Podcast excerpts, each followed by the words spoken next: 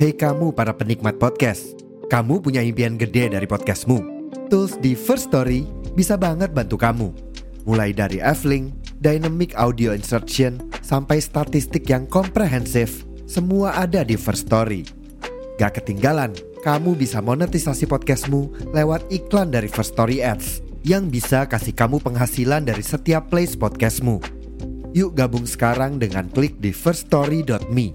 Sekali lagi, di firststory.me.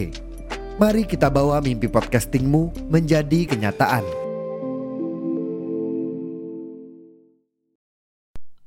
Jujur deh, gue sedih kalau baca ada anak yang jadi korban, anak sekolah.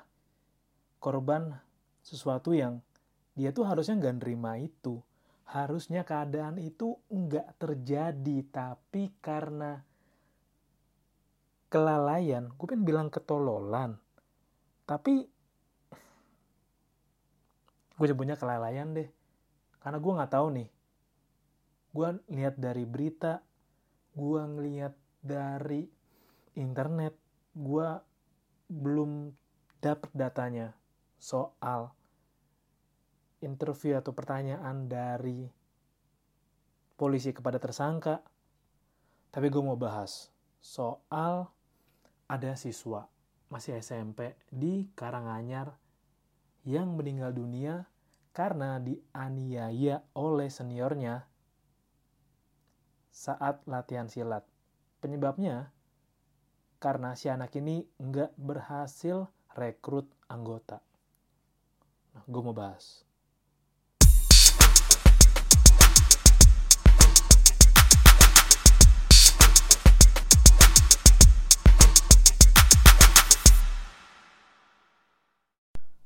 Pertama-tama gue mengucapin turut berduka cita untuk Bapak Suparno dan Ibu Giari yang anaknya menjadi korban. Lu bisa cari tahu sendiri sih beritanya di internet. Ini berita udah lama, 16 November. Sebenarnya udah ada. Uh, udah ada beberapa orang yang diwawancarai karena kasus ini tapi menunggu sampai hasil autopsinya tiba. Gue juga tadinya nggak sabar sih, gue geram. Gue personal, geram. Karena gue tahu, gue pernah ikut bela diri. Nanti gue bahas ke sana. Gue punya saudara yang umurnya nggak jauh beda sama adik ini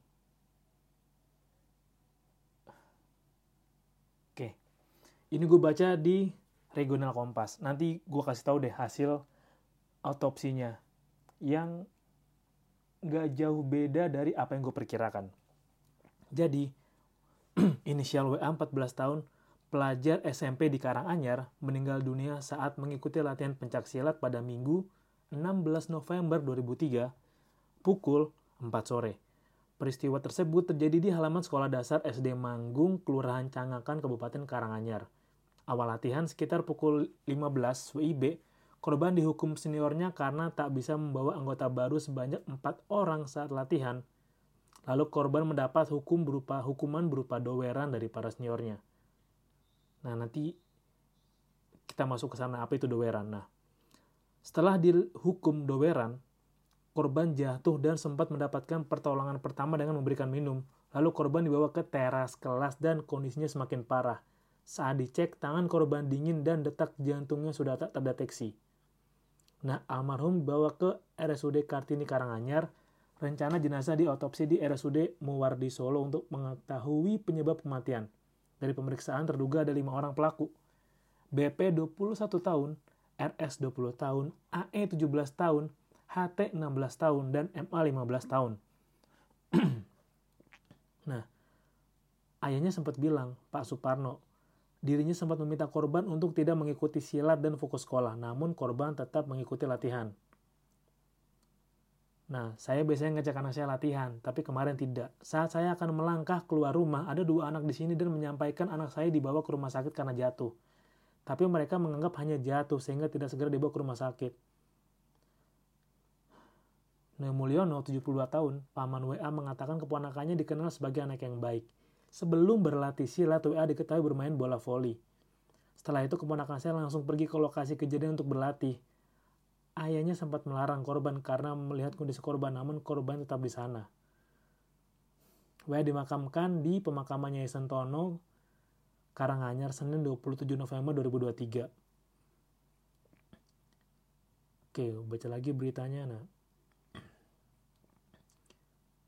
DPC Pagar Nusa Karanganyar angkat bicara. DPC Pagar Nusa bilang, ini anggota perguruan, kami masih, korban masih anggota baru, jadi belum punya kompetensi melatih. Terkait status kelima terduga pelaku itu benar anggota kami. Terus ya, Mariadi mengatakan memang ada kewajiban anggota baru untuk mencari dan membawa anggota baru. Namun tidak ada sanksi atau hukuman yang diberikan apabila belum bisa melakukan itu. Ada kewajiban untuk mengajak orang baru masuk ke PN Pagar Nusa, itu tugas anggota baru setelah di BIA ditugaskan itu, namun untuk pemberian hukuman tidak ada di ADART, anggaran dasar anggaran rumah tangga, kalau lo belum tahu. Dan hukuman itu tidak ada dalam materi kita. Nah, Maredi kemudian menegaskan teknik doberan tidak ada dalam materi anggaran dasar dan anggaran rumah tangga pagar nusa. Dalam kasus ini sudah di luar materi karena kami tidak menggunakan teknik menapasan atau doberan dalam latihan. Ini kami menunggu proses hukum ini gue baca di Kompas 28 November 2023 jam 11.21. Lanjut gue baca 7 fakta di detik.com soal ini. Fakta pertama, Gegara tak dapat siswa baru. Oke, sebagai anggota baru perguruan silat emang korban diminta seniornya untuk mengajak empat siswa baru, tetapi saat latihan korban tidak bisa mendapatkan empat siswa baru, hingga akhirnya korban mendapat hukuman. Kata Imam Kasih Humas Polres Karanganyar. Fakta kedua hukum doweran. Oke, kita masuk hukum doweran. Imam menjelaskan, hukum yang diterima korban berupa doweran atau sikap kuda-kuda sambil napas. Kuda-kuda ambil napas.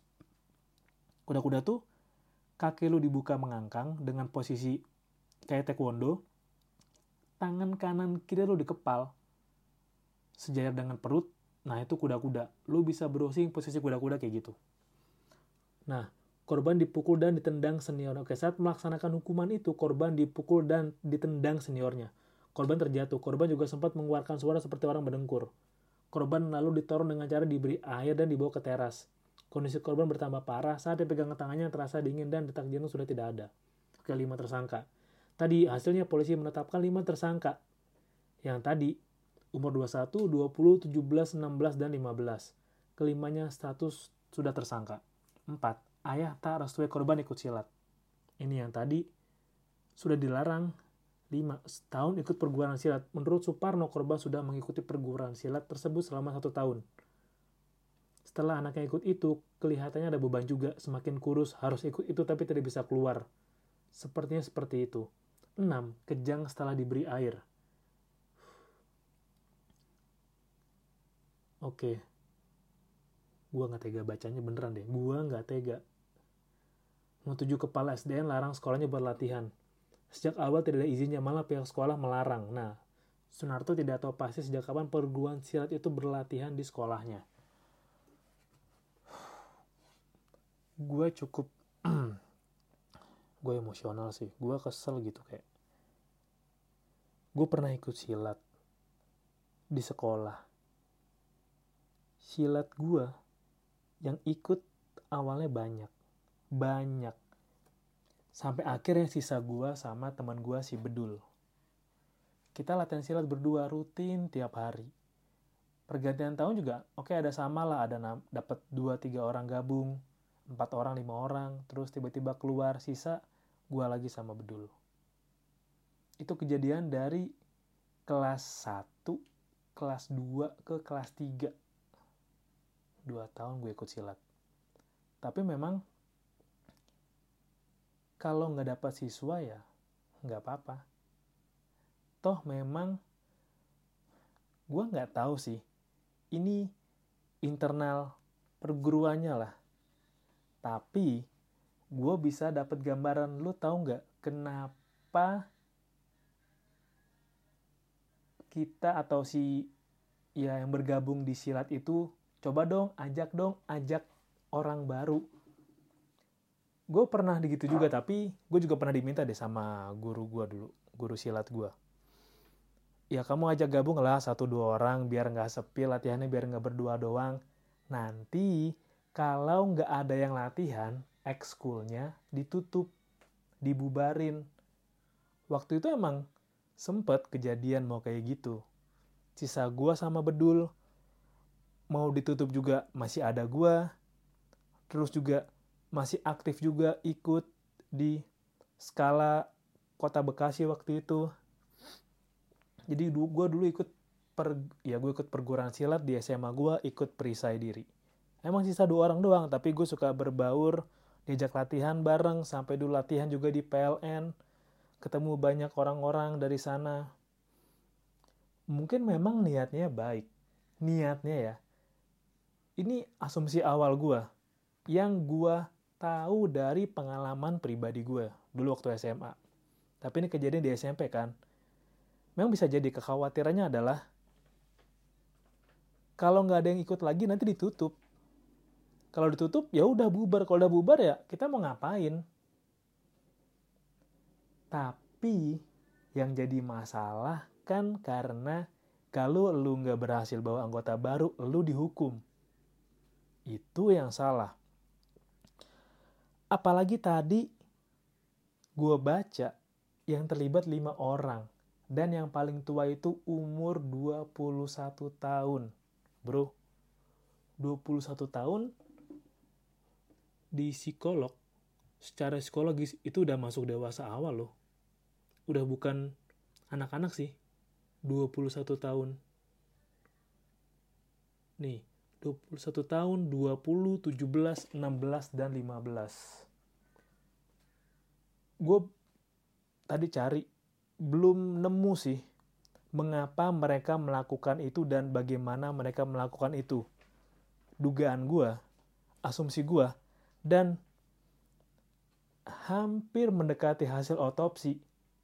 Tadi gue lihat hasil otopsinya. Lu bisa lihat ini di kompas.tv. Artikelnya 30 November 2023 jam 7 malam.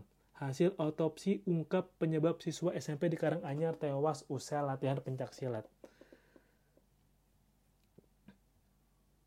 Oke. Korban meninggal dunia akibat organ vitalnya mengalami trauma akibat pukulan berulang-ulang. Gue ulangin. Korban meninggal karena organ vitalnya kena pukulan berulang-ulang. Gue tuh gak habis pikir. Gue bisa nangis gue anjing. Gue jadi orang tuanya nggak nggak kebayang gue ini kan karena ketololan. Gue pengen bilang lalai tapi bro lo kalau jadi orang tua kalau lo punya adik adik lo meninggal karena ketololan orang lain yang seharusnya itu nggak mesti dilakuin nggak penting untuk dilakuin nggak berguna dilakuin. Marah lo pasti lu marah nyesek nggak terima. Yakin gue. Apalagi tuh anaknya masih SMP bro. Merinding gue anjing kayak SMP latihan kuda-kuda ditendangin buat apa? Ototnya belum jadi. Masih pertumbuhan. Itu juga dia baru pulang volley pasti capek banget organnya capek masa perkembangan itu anak itu oke gue gambarnya gini, lo posisi kuda-kuda, lo tarik napas, lo tahan, lo kencengin otot lo. Pasti gue yakin kayak gitu. Gue yakin karena ini gue juga diajarin di silat gue. Jadi kalau lo mau latihan otot, ngelatih kelenturan otot dan menambah kemampuan otot lo lebih keras, caranya ya lo berdiri, lo bisa ambil kuda-kuda atau lo berdiri sejajar, buka kaki sejajar dengan bahu lo, lo tarik napas, lu tahan, lu kencengin otot tangan, kaki, badan lu semuanya lu kencengin. Gue yakin latihannya kayak gitu. Karena memang gue dulu ngelakuinnya kayak gitu. Kemungkinan kecil sih apa yang gue bilang itu agak meleset karena posisi kuda-kuda kan dan posisi ambil tarik napas. Lu bisa tahu posisi ambil napas terus lu dipukul, lu dihantem, ya gimana nggak meninggal anak orang? Masih kecil loh bukan binaragawan bukan orang yang terlatih ototnya, bukan orang yang punya kemampuan, pengalaman bertanding. Anak SMP, kuda-kuda, tarik napas, mau dia tarik napas, mau dia tahan pakai kundalini, mau pengerasan otot atau apa, tapi masih SMP, dipukul lima orang. Ya aduh, anjing, anjing. Aduh, gue gak habis pikir, asli. Lu tau nggak gambarannya gini, lu kalau pernah lihat ada bapak-bapak latihan tarik napas, terus tahan dilempar batu dari belakang, terus ada yang instruktur bilang, tarik napas, tahan, tarik napas, tahan, iya lepasin, lepasin. Gue yakin sakitnya belakangan itu. Ya kan ada bang aliran silat yang bisa mata-matahin besi bang, yang bisa tenaga dalam gitu-gitu. Ya ada, mungkin ada, mungkin ilmunya ada. Tapi kondisinya kan itu dia lagi capek. Dan ya buat apa dipukulin anjing? Buat apa? Buat apa gue tanya coba, buat apa dipukulin? Kenapa dipukulin? Karena nggak berhasil bawa empat anggota. Ya lu orang-orang yang lima orang itu emang berhasil nggak bawa anggota? Kalaupun berhasil juga tekun nggak orangnya bawa anggota yang dibawa hanya sekedar bawa orang dong bawa aja gue bawa penonton bayaran. Disiplin gak latihannya? Tekun gak latihannya? Ya emang kalau nggak bawa emang tanggung jawab mencari anggota ada pada anak baru atau anak yang bocah. Ya bagaimana marketingnya? Bagaimana sesepuhnya di sana asli kesel banget gue gue menahan diri untuk enggak bikin episode ini sampai gue nunggu hasil otopsinya tiba. Setelah ada, baru gue bisa berkomentar. Karena gue nggak mau nyimpulin sepihak. Dan nyata bener kan. Organ vitalnya trauma. Trauma. Lu gini deh. Gue gambarin gini. Ini lu bisa belajar di faal atau ya kedokteran juga bisa lah kayak. Katakan otak otak itu bisa mengalami trauma kalau terbentur atau terguncang dengan keras. Ketika otak trauma, otak itu akan mengeluarkan senyawa yang melindungi otak itu agar efek benturan atau trauma itu nggak begitu kenceng. Dan di organ lain pun organ trauma itu berarti organ itu organ vital lagi. Organ vital itu bukan kontol ya, gue bilang. Organ vital itu paru-paru, ginjal, organ vital itu. Apalagi lambung bisa. Kalau organ vital sampai trauma, berarti dipukulnya berkali-kali. Nggak cuma sekali. Pun kalau cuma sekali juga, dia buat apa lu mukul? Buat apa? Mending kalau misalkan lu mau menghukum kasih ya udahlah oke. Okay. Kamu mesti mecahin ini triplek satu gitu. Atau kamu mesti push up 20 kali. Udah. Gue yakin selain karena ya oke lah kekhawatiran lah. Takut tutup di sekolah itulah. Tapi ini yang asumsi yang menurut gue buruk sangka tapi bisa kelihatan logis semoga gue salah. Semoga gue salah. Bisa jadi itu kondisinya lagi rame atau lagi ya kelihatan wah lima anak ini lima, lim, tiga anak dan dua orang remaja tanggung dan dewasa satu orang dewasa awal ini pingin kelihatan keren pingin kelihatan eksis.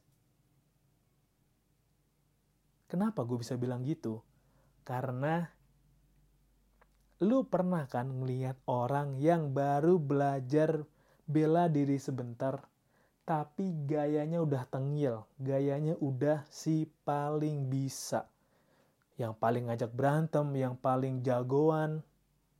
Pernah lihat kan lu? Semoga analisa gue salah. Kenapa gue bisa bilang demikian? Karena usia orang yang ngelakuinnya itu usia orang yang lagi mencari jati diri, yang lagi ngalamin krisis identitas secara psikologis. Yang mau kelihatan keren, yang mau kelihatan gaya, yang mau disegani, yang mau dihormati. Karena memang itu yang gue pelajarin dulu.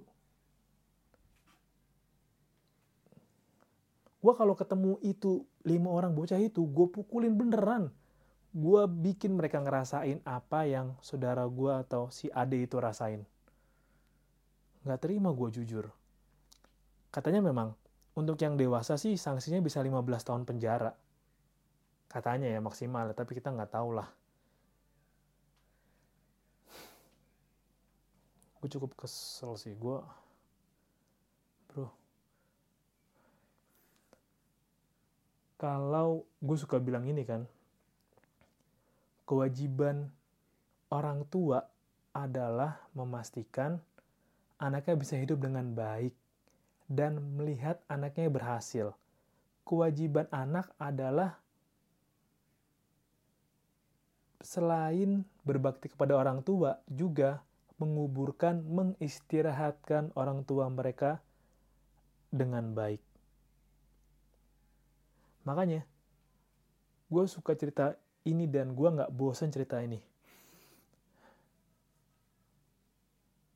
Pasti tuh orang tua bakal hancur hatinya itu. Hancur sehancur-hancurnya. Karena dia harus nguburin anaknya gue kebayang dari bokapnya temen gue bokapnya sohib gue bokapnya orang yang seperti gue anggap adik gue sendiri keluarga gue sendiri yang gue lihat jenazahnya tiduran udah berbalut kain kafan gak bisa gue ajak ngobrol lagi. Gak bisa gue ajak ceng-cengan lagi gak bisa gue ajak main PS bareng lagi. Gue ngelihat terakhir kalinya dia meninggal karena sakit. Dan bapaknya nguburin dia. Bapaknya nahan nangis tahu tahu banget gue. Setiap ketemu gue atau ketemu ketemu sohib gue ada tatapan bokapnya nunjukin kayak wah lo nih lo nih sohib baiknya anak gue nih. Lo nih yang deket sama anak gue lo yang tau anak gue kayak gimana nih. Gue bisa tahu karena terakhir ketemu pun tatapan itu nggak berubah. Mungkin memang ya gue deketnya sama anaknya tapi terus gue nggak udah lama nggak ketemu bokapnya mungkin udah dua tahun lah. Pas kemarin ada kedukaan salah satu sesepuh di sini gue ketemu lagi sama bokapnya. Gue negor gue salaman dan tatapan mata itu ketika ngeliat gue nggak berubah. Gue tahu karena patah hati orang tua tuh di situ. Patah hati hancurnya orang tua adalah ketika harus menguburkan anaknya duluan. Karena memang itu bukan kewajibannya, itu bukan tugasnya. Tugasnya adalah memastikan anaknya hidup dengan baik. Dan anaknya bisa mengistirahatkan orang tuanya di tempat yang baik juga atau dengan cara yang baik juga. Hancur itu pasti hati orang tuanya, hancur. Mana lagi kayak terjadinya karena kelakuan tolol. Ya kan ya, buat apa? Buat apa coba? Kenapa coba? Ya kalau emang nggak ada anggotanya ya udah. Tapi kan masih ada lu yang latihan. Kan masih ada dua orang, tiga orang latihan. Gue juga dulu sampai latihan sendiri pun juga nggak apa-apa. Pasti bedul nggak datang. Pas gue lagi sakit juga nggak apa-apa. Gue latihan sendiri. Latihan tanding sendiri. Latihan berdua gue sparring sendiri. Nggak apa-apa. Dan gue bisa bilang, asumsi gue itu mereka yang menganiaya itu ya pengen kelihatan keren karena apa? Karena kalau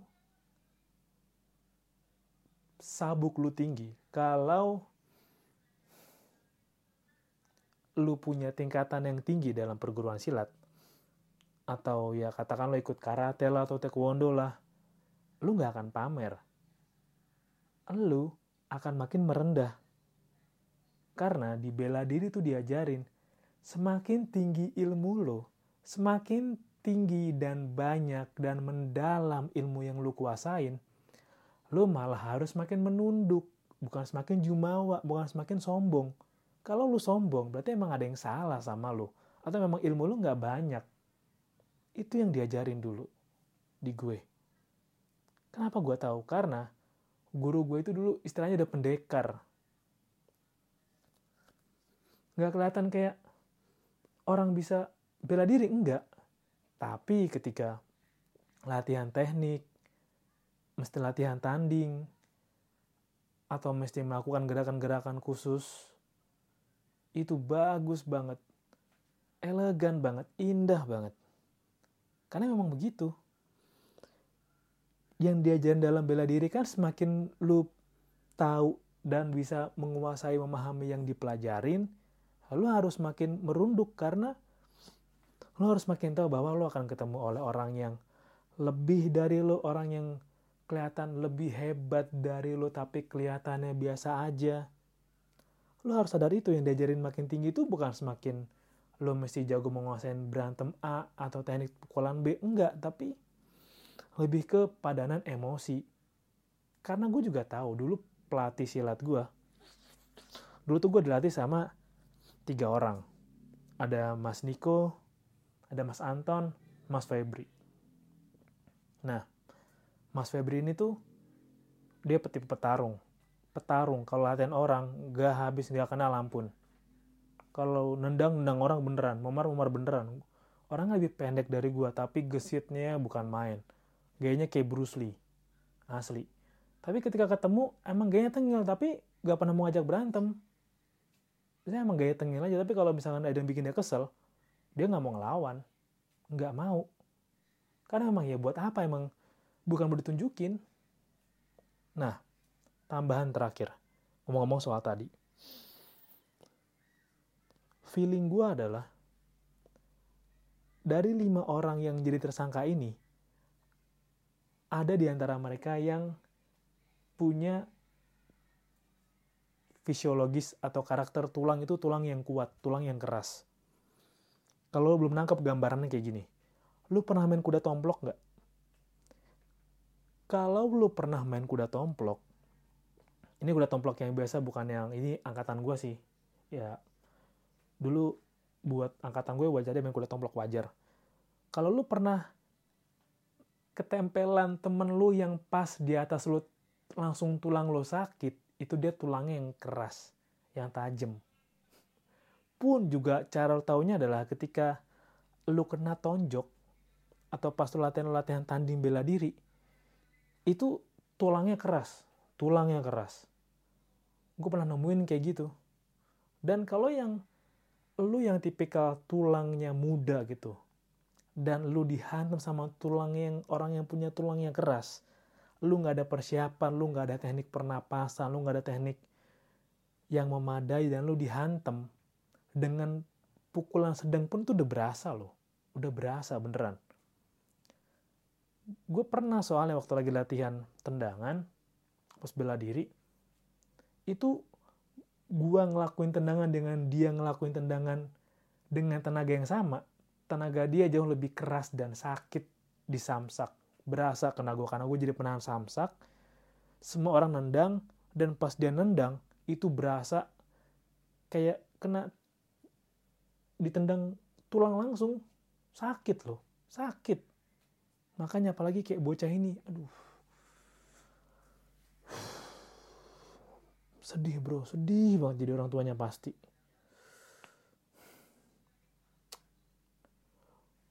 Gue gak tahu sih, semoga nggak ada lagi kejadian kayak gini. Semoga nggak terulang lagi.